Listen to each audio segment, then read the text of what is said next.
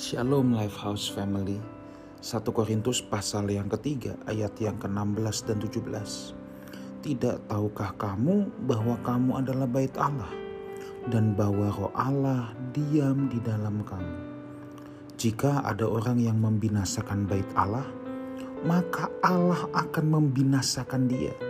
Sebab bait Allah adalah kudus dan bait Allah itu ialah kamu Saudaraku, adalah sebuah privilege kalau umat perjanjian baru dikatakan sebagai bait Allah. Bait Allah artinya tempat roh Allah berdiam. Pada zaman perjanjian lama, roh Allah tidak tinggal, tidak hinggap secara permanen dalam setiap manusia. Roh Allah adanya di bait Allah tetapi setelah zaman perjanjian baru, kemudian tahun 70 Masehi, bait Allah diruntuhkan. Bukan berarti roh Allah menjadi gelandangan atau pengemis. Tetapi justru sejak turunnya roh kudus setelah Tuhan Yesus naik ke sorga, roh kudus roh Allah justru berdiam dalam diri orang percaya. Saudaraku, Alkitab berkata, Tuhan bilang begini, rumah apa yang kamu mau dirikan bagiku? Langit adalah tahtaku, bumi adalah tumpuan kakiku. Tuhan memang maha besar saudaraku. Tuhan maha segalanya. Tetapi hal yang paling luar biasa adalah dalam kemahaannya. Dia mau turun, dia mau tinggal dalam manusia.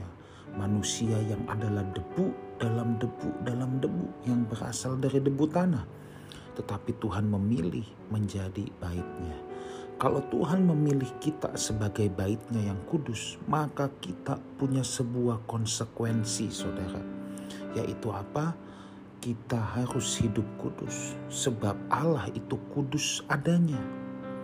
Dan di ayat yang ke-17 dikatakan jika ada orang yang membinasakan bait Allah, maka Allah membinasakan dia juga itu artinya proteksi dari Tuhan. Sebab bait Allah adalah kudus dan bait Allah itu ialah kamu. Nah, persoalannya adalah ada banyak orang Kristen menginginkan proteksi perlindungan dari Tuhan. Tetapi tidak mau berfungsi sebagai bait Allah. Tetapi meninggalkan identitasnya sebagai bait Allah yang adalah kudus. Kita tidak bisa mengharapkan proteksinya sementara kita tidak menghidupi identitas kita sebagai bait Allah ibarat hak dan kewajiban saudara. Walaupun ini tidak tepat ya. Perumpamaan ini tidak tepat. Menjadi kudus atau menjadi baitnya yang kudus adalah kewajiban kita dan proteksi itu adalah hak kita. Tetapi sekali lagi ini tidak tepat. Yang tepat adalah kalau kita berfungsi sebagai bait Allah maka tentunya kita secara otomatis ada dalam perlindungan Tuhan. Jadi orang Kristen sebenarnya yang sudah menghidupi kehidupannya, menghayati bahwa hidupnya, tubuhnya, dirinya adalah bait Allah. Dia tidak perlu lagi repot-repot berdoa Tuhan jagai, Tuhan lindungi. Tidak perlu saudaraku. Kenapa? Otomatis kita pasti diproteksi olehnya. Tetapi harus kita ingat bahwa kekudusan sebagai bait Allah adalah identitas.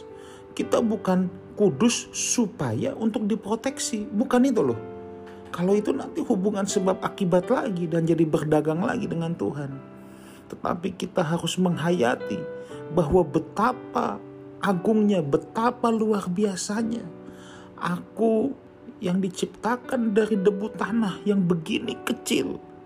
Tetapi Tuhan mau memilih kita untuk menjadikan tubuh kita, hidup kita sebagai baitnya yang kudus. Siapa kita saudara? Bukankah ini privilege yang luar biasa? Kalau ada presiden berkata aku mau menginap di rumahmu, wah itu saja kita udah pasti mencoba merapikan kamar sebaik-baiknya, menyediakan hal-hal yang terbaik saudara itu baru presiden yang cuma mau nginep satu malam.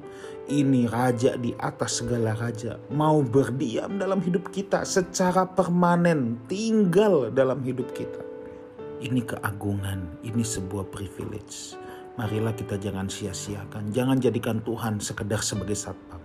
Tuhan bukan security untuk menjaga harta benda dan kaum keluargamu. Yang benar adalah hayatilah kehidupan kita sebagai bait Allah, maka proteksi Tuhan otomatis menjadi bagian kita. Tuhan Yesus menyertai kita semua. Haleluya.